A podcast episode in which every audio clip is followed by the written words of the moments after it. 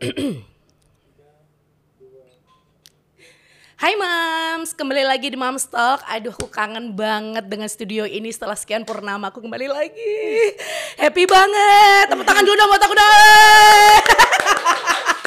Aduh kangen banget datang di Mams Talk ini ya dan uh, seru banget kalau hari ini saya sudah ditemani dengan Dokter Maria Galuh Kemenyangan Sari SPA MKes. Hai dok. Hai Mbak Widya. Aduh kangen Long banget time ya. no see. Long time no see ya Oke. kurang lebih kita tiga tahun ya. Oh, kesuwen kesuwen. nah eh, di Mams Talk kali, kali ini kita bakalan bahas tentang eh, mungkin ini merupakan salah satu penyakit yang menjadi momok bagi ibu-ibu yang ada di luar sana, apalagi di musim pancaroba ya. Yuk. Nah, sebenarnya batuk itu kawan atau lawan? Nah, itu Hmm, dong. Oke. Mungkin sebelum kita uh, ke topik yang lebih dalam lagi, mungkin bisa dijelasin dok, uh, sebenarnya batuk itu apa sih dok sebenarnya dok? Oke, sebenarnya batuk itu tadi ya kawan atau lawan Nah. ya. Kalau eh, kita mau bicara tentang batuk itu sebenarnya dia kawan kita loh. Betul. Nah, pasti mama-mama jadi oh kok bisa kawan Iya. tuh seperti apa Aku gitu. tidak mau berkawan dengan batuk. Iya. Nah, sebenarnya batuk itu adalah mekanisme pertahanan tubuh. Di mana gini nih, kalau eh kita bernafas Iya. ya, kita itu nggak bisa ngontrolkan kita mau berada di lokasi yang di mana aja. Kita menghirup udara, mau dia pancaroba seperti ini, panas, dingin, segala macam, otomatis akan terhirup oleh kita dan bayi-bayi dan anak-anak kita. Betul. Nah, um, yang masuk itu kan kita nggak bisa ngontrol. Ada Yes. kuman, Nah. ada debu, Ada gitu aja dan, dan segala macam. ya, Dok, ya. Nah, akhirnya hal-hal belum lagi benda asing di mana itu masuk ke tubuh kita, itu ada mekanisme eh untuk menangkap itu semua dengan produksi lendir dan akan merangsang refleks batuk. Nah, di titik-titik kita nih tubuh kita termasuk di sepanjang saluran nafas itu ada kayak saklar gitu loh Iya, iya, iya. saklar batuk nih di mana cetit gitu. Kalau misalkan itu udah nyentuh saklar batuk, otomatis itu mekanisme tubuh yang uh refleks Nah, batuk betul. dan akhirnya itu dikeluarkan. Nah, justru batuk itu menyelamat kita dari benda-benda asing yang itu tadi entah masuk yang bisa berpotensi jadi penyakit nih buat tubuh kita. Iya. Itu dulu nih prinsip oke, utamanya. oke. Jadi So- inti batuk itu ya dok? Nah, ya? sebenarnya inti batuk tuh itu. Jadi Iya. memang tidak setiap batuk itu kita langsung parnoan Iya, gitu iya. ya. Aduh, batuk ini. Aduh, gimana caranya biar nggak batuk? Nah, itu kita harus lurusin dulu nih sebenarnya. Itu prinsip dari batuk. Sebenarnya kalau kita bersyukur juga dikasih Iya. Tuhan bahwa refleks batuk itu Iya. ada di tubuh Untung manusia. bisa batuk. Nah, gitu itu ya. ceritanya. Kalau enggak artinya semua itu akan trapping atau memang ya terjebak masuk di dalam tubuh dan jadi hal-hal yang tidak baik bagi tubuh kita. Nah Gitu. itu, itu yang mungkin bisa uh, menjadi Mm-mm. eh, bisa meluruskan sebenarnya batuk itu apa di mams-mams yang ada di luar sana. Karena pasti Mm-mm. semua ibu panik banget dok. Kayak aku sendiri ya aku mengalami dua anak ini batuk dikit aja aduh tidak anakku Iya, batuk lagi habis ini oke. pasti flu habis ini eh, pilek dan lain sebagainya ditemani dengan berbagai macam penyakit yang lainnya seperti itu. Dan Iya.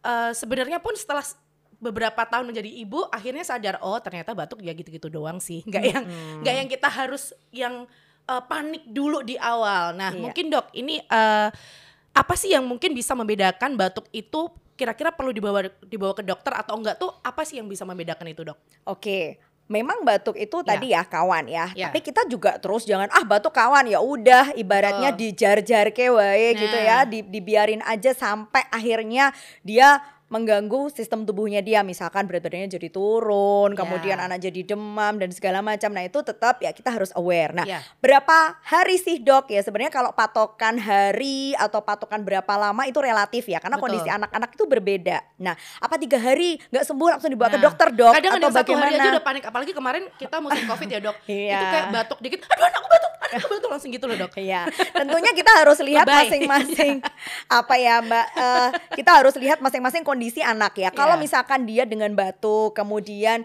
eh, batuknya ada dua ya, jenis-jenis batuk dulu nih. Maksudnya ada batuk kering, ada batuk berdaha. Kemudian ada batuk yang akut, ada yang kronis. Ya kalau kita bicara timeline hari itu sebenarnya kronis itu lebih dari dua minggu. Cuman Oke. pasti dong ibu-ibu, hah nunggu dua minggu dulu baru kronis baru diobatin Nah, kan? nah, Enggak ya. gitu. Kalau misalkan memang batuknya satu atau dua hari tetapi dia gruk-gruk banget, ngekel banget sampai mengganggu aktivitas hidupnya, misalkan dia nggak bisa makan, nggak bisa minum, dikit-dikit aja muntah dan segala macam, lemes, demam, oke, otomatis kita harus aware. Iya. Misalkan boleh nggak dok beli-beli obat-obat dulu untuk meredakan batuk sesuai anak usianya? Monggo, dijemur, minum air putih yang banyak dulu. Nah, kita antisipasi dulu dong, jangan buru-buru, takut dulu. Nah, kalau seandainya itu misalkan tidak membantu, monggo diperiksakan karena kita harus investigasi nih bat- Iya, iya. eh, apa Batuknya sebab apa batuk dulu nih? apa Iya. gitu. Belum lagi apakah dia ada riwayat alergi nggak dari dari Betul, orang tua. betul. Kalau batuk alergi, misalkan dia memang oh musimnya kayak gini, anakku pasti batuk. Apa ya mau minum obat terus? Ya, ya. Ya nggak sih gitu. Nggak mungkin dong, maksudnya setiap kali Hmm. batuk anak tuh minum obat dulu, minum obat dulu, Uh-uh. minum obat dulu. Nah ini mungkin yang bisa menjadi masukan juga buat ibu-ibu Mm-mm. di rumah. Kira-kira penanganan awal ketika batuk eh, di rumah tuh apa dulu sih dok yang awal pertama kali yang harus dilakukan selain obat ya dok ya? Oke, berarti memang kalau batuk, ya kita observasi nih. Loh, kok kamu batuk? Nah, satu, minum.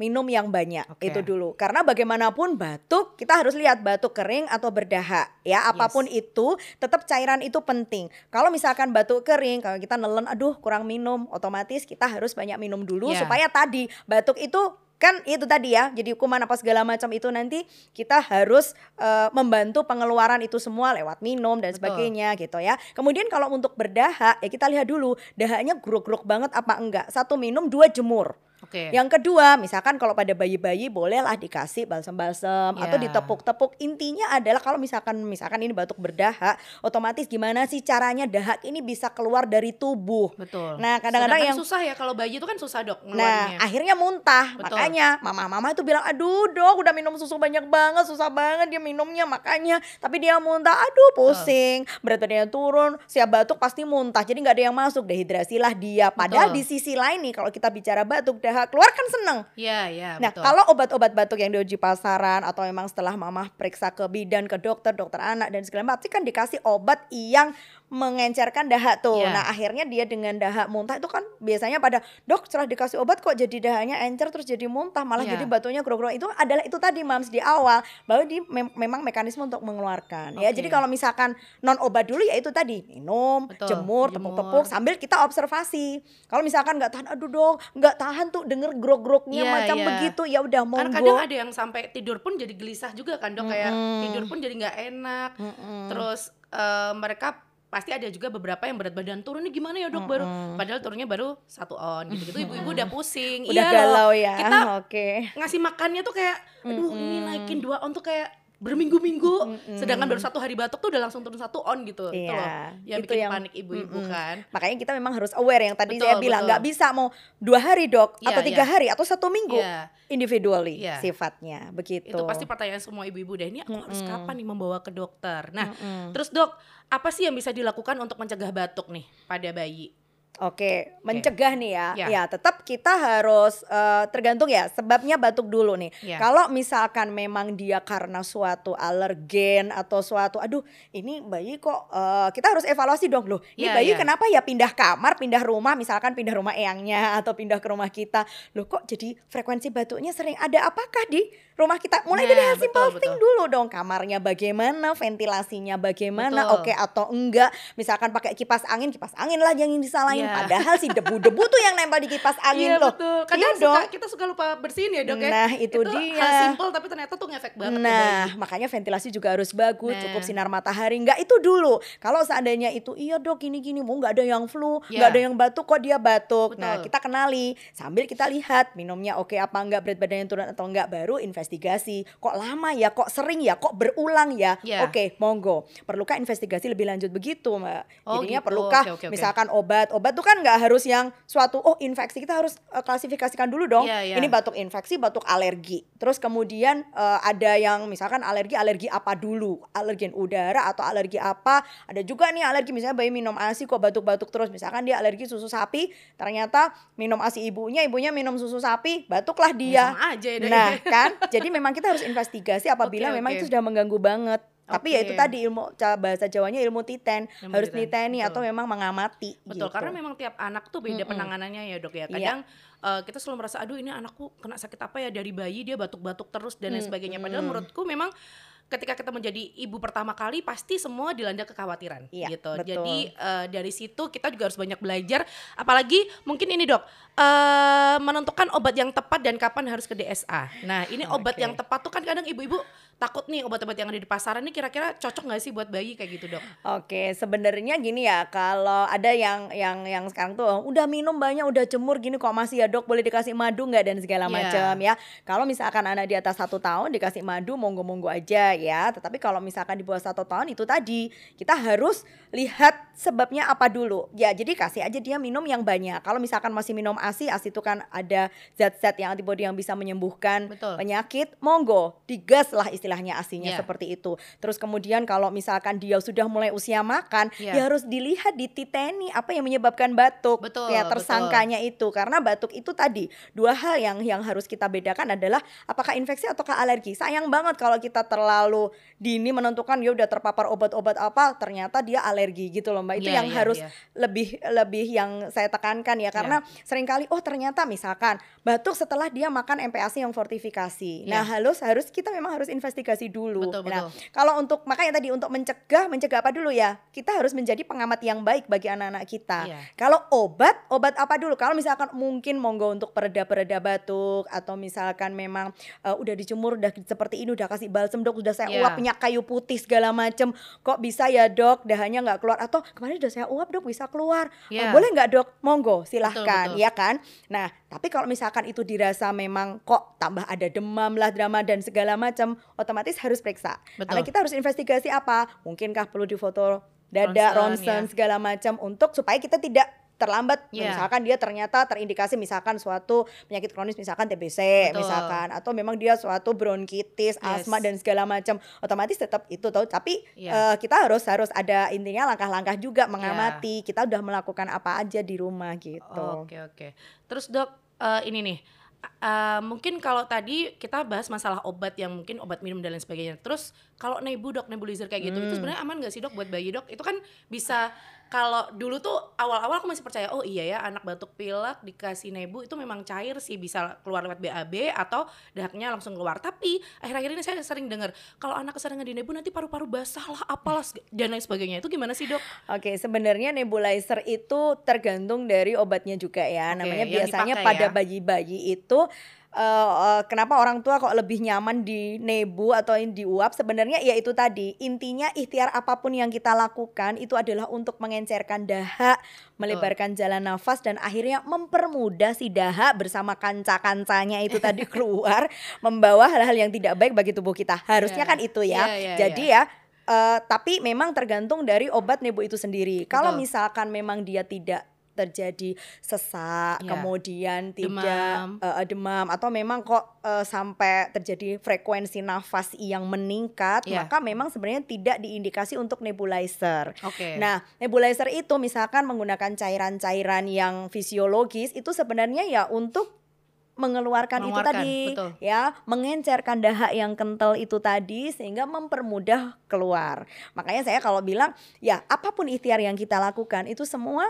prinsipnya satu, tujuannya Iya. muaranya satu, mengeluarkan dahak. Mulai dari jemur pagi, minum banyak, ya diuap, diuap pakai apa dulu nih Iya. ya, itu tergantung obatnya ya. Misalkan diuap, "Dok, sampai ada anak yang di dikurepin gitu Nah. kan, dikurepin terus kemudian sampai Dari ini bawah ya, Dok, dari ya? bawah kemudian itu supaya mengencerkan dahak ya walaupun itu ya efektivitasnya masih ya dalam penelitian juga ya Iya. tetapi paling tidak jadi plong dok jadi nggak ini kan kadang batuk related tuh pilek dan buntet Betul, nah betul. seperti itu kok jadi plong dia jadi bisa tidur monggo ya Iya. tetapi untuk eh, nebulizer yang bener-bener oh di nebu ya batuk dikit di nebu itu kok juga nggak bagus Iya, karena nebu betul. harus sesuai indikasi Betul. Nah, Dan, harus sesuai dari dokter ya, dok. Iya, rekomendasi nebu itu dokter ya. dari dokter ya. Kadang-kadang ada mama-mama yang beli nebu sendiri, beli Iya, obat iya, sendiri. itu loh, nah, dok. nah itu banyak banget sekarang teman-teman iya. gitu, dok. Nah, sebenarnya Jadi begini. dokter dadakan deh. Artinya gini, kecuali gini ya, kalau Hmm. misalkan, nah ini ini ini garis bawah, kalau misalkan si anak tersebut memang sudah didiagnosis oleh seorang dokter bahwa oh putra ibu ini adalah alergi, Iya. batuk kronis berulang lebih dari dua minggu atau paling tidak sering kambuhan hampir sebulan sekali, terutama Betul. mendekatin musim pancaroba seperti ini, galau dong kalau orang batuk sendi batuk sedikit aja baru satu hari dia langsung Mengi, mengi, mengi. Mengi karena mengi. dia nah karena dia sudah memang terdiagnosis asma Iya. maka ya kadang-kadang dokter mungkin mensuggestkan daripada tengah malam mah kamu harus datang ke IGD Betul, monggo ini obatnya bila ma- eh, si adik kumat Ya, seperti itu monggo ya, ya. Iya. Ha-ha, tapi sudah ada warning dari dokter yang Dokter, menangani. betul, betul. Jangan Jadi obat ya, dikit. Dok, ya? Nah, pada mama-mama sekarang jadi tren. Waduh, beli nebu. Lu Iya, anak lu iya. di nebu ya? Iya, aku juga beli. Ah, enak lu habis ini Iya, gini. betul. Padahal indikasinya berbeda Nah, itu. itu. Jangan Jadi jadi jangan. sendiri ya. Yuk, begitu. Nah, terus ini dok, Hmm. ada juga nih waktu lahir katanya tuh keminum air ketuban, terus tiap malam itu jadi batuk terus bayi itu. Sebenarnya itu ada hubungannya nggak sih dok antara keminum air ketuban dan batuk itu ada hubungannya nggak? Jadi sebenarnya gini, namanya bayi baru lahir ya Iya. kita membayangkan bayi itu keluar ya eh, ke apa namanya kandungan itu bayi keluar dari kayak balon isi air ya. Nah airnya itu air ketuban. Kalau namanya bayi keluar itu otomatis pasti dong ada air yang terserap di paru-paru itu pasti. Betul. Ya kadang-kadang, aduh nggak bersih nih. Iya, Oh, itu nyedotnya, dokternya.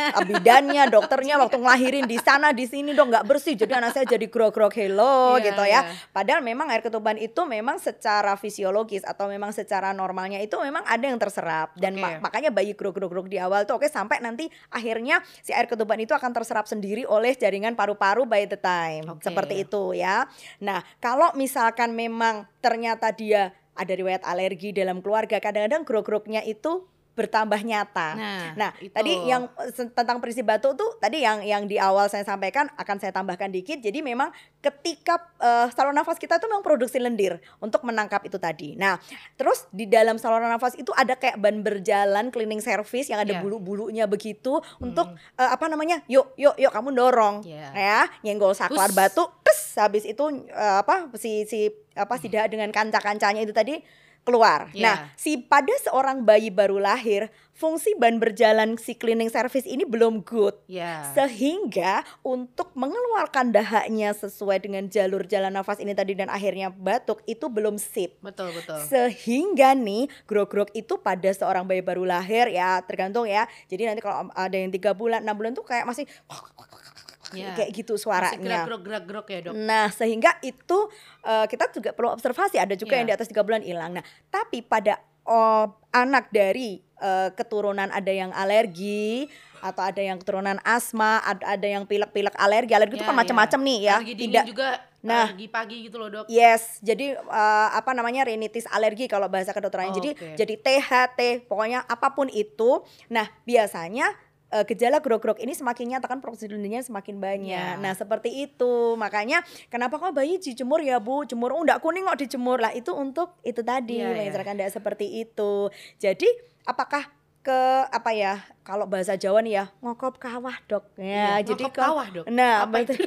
ngokop kawah itu adalah jadi air ketubannya masuk nih ke Oh, ini yaitu bahasa Jawa yang ngokop kawah nih kulo dok ya ini Oh, kalau iya. bahasa Jawanya itu begitu jadi air ketubannya itu masuk ke dalam eh, saluran pernafasan, Pernafasan, jadi ya, Dok, ya? nyata seperti itu nah Oke. tapi memang kalau seandainya memang beneran tuh si air ketuban banyak yang masuk ke paru-paru otomatis sejak lahir pasti sudah kedetek Iya. dia nafasnya jadi sesak, Betul. kemudian juga kondisi nggak bagus, harus bantuan oksigen dan sebagainya. Ya. Begitu ceritanya. Panjang ya dok ternyata ya yang harus kita seperti- pelajarin itu menjadi seorang Mm-mm. ibu loh. Iya. Nah terus kalau tadi eh, tentang keminum air ketuban, kalau yang ini untuk busu yang sedang batuk, apakah itu tuh bisa menular menularkan ke bayinya sih dok? Kadang kan kita suka worry nih, aduh aku lagi batuk lebih baik aku tidak menyusui.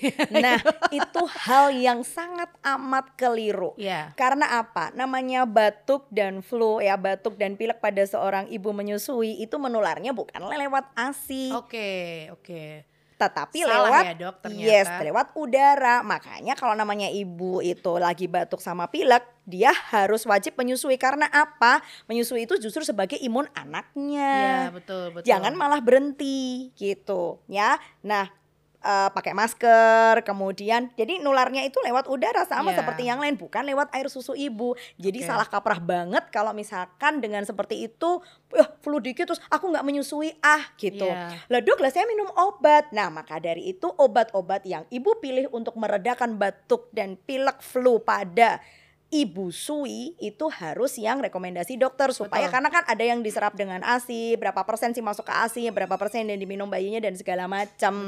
Jadi jangan ngobati dewe itu tadi, Iya, jangan jadi jangan dokter ya. sendiri gitu. Betul, jangan jadi dokter kecil ya dok. Mm-mm, begitu. Apa-apa diputusin sendiri kita jadi ibu.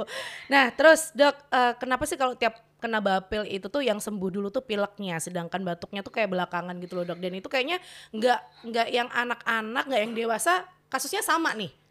Kenapa bisa gitu dok? Sebenarnya tidak ada hal yang apa ya dasar landasan teorinya ya. Iya. Sebenarnya kalau pilek dulu batuk Beneran dulu. gitu aja ya dok? Iya batuk dulu pilek dulu itu tidak ya karena memang eh, sistem pernafasan kita itu kan namanya menghirup udara dari sini ya dari hidung kemudian eh, kalau misalkan eh, ada proses kemudian dibatukkan dulu Iya. ya nomor satu kan kita bernafas melalui hidung ya Betul. kecuali hidungnya buntut baru seperti itu ya sebenarnya itu sama Iya. tapi dan sebenarnya diagnosa batuk saja atau pilek saja itu jarang banget karena Iya. ba- pilek pasti didahului oleh batuk belum lagi kalau bayi-bayi dah nggak bisa keluar dok akhirnya ketelan Ya. terus gimana betul. dok ya udah nggak apa-apa nanti biasanya akan proses metabolisme tubuh nanti tertelan biasanya fesesnya ada lendir dan segala macam sebenarnya Iya, BAB tidak ya. bis- eh, tidak ada landasan teorinya sih pilek dulu Iya. baru batuk batuk dulu baru pilek intinya adalah batuk pilek itu sembuh bersamaan tumbuh kembang bayi sehat gitu Ya, yang Itu. dicari adalah itu ya dok Ya, jadi apakah si batuk lama atau pilek lamanya itu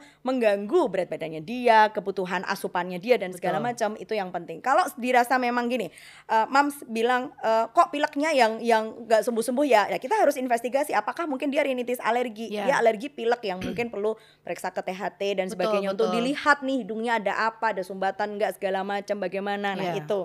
Tapi kalau misalkan batuknya ya itu tadi ya, jadi saluran nafas atas bawah, gimana perlu nggak nih investigasi batuk di ronsen apanya yang kena nih ininya saluran nafas yang seperti apa bagian Betul. mana nah seperti itu Oke oke ya. oke. Terus dok, Mm-mm. eh, kalau sekarang kan banyak banget nih juga nih kayak vaksin influenza nih Iya, yang ada di masyarakat. Kira-kira Mm-mm. itu tuh bisa membantu nggak sih untuk si bayi ini tuh eh, biar nggak kena aduh biar anakku tidak terkena flu dan batuk lebih baik aku kasih vaksin deh kayak gitu gimana sih dok? Oke, memang Ah. influenza itu sudah menjadi rekomendasi Ya. ya. Itu wajib nggak sih buat bayi dok Ya sebenarnya? vaksin sebaiknya iya, tapi memang eh, belum tercover untuk di pemerintah ya. Oke, Maksudnya oke. yang Mas misalkan di ya berarti ya? puskesmas, Oke. iya memang sesuai rekomendasi IDAI yang terbaru adalah IDAI 2020. Iya. Nah, tapi gini, dok, yakin nih kalau anak saya sudah diimunisasi influenza, anakku nggak batuk pilek lagi. Waduh, jadi kayak ancaman nih jadi ke dokternya. Oke, jadi tidak menjamin anak itu bebas batuk atau pilek. Ya, itu tadi kita memang balik back to basic lagi. Batuk pileknya sebabnya karena apa? Nah. Kalau memang batuk pileknya itu sebabnya karena alergi, ya udah pasti Betul. dia terpapar alergennya atau udara dingin, pasti dia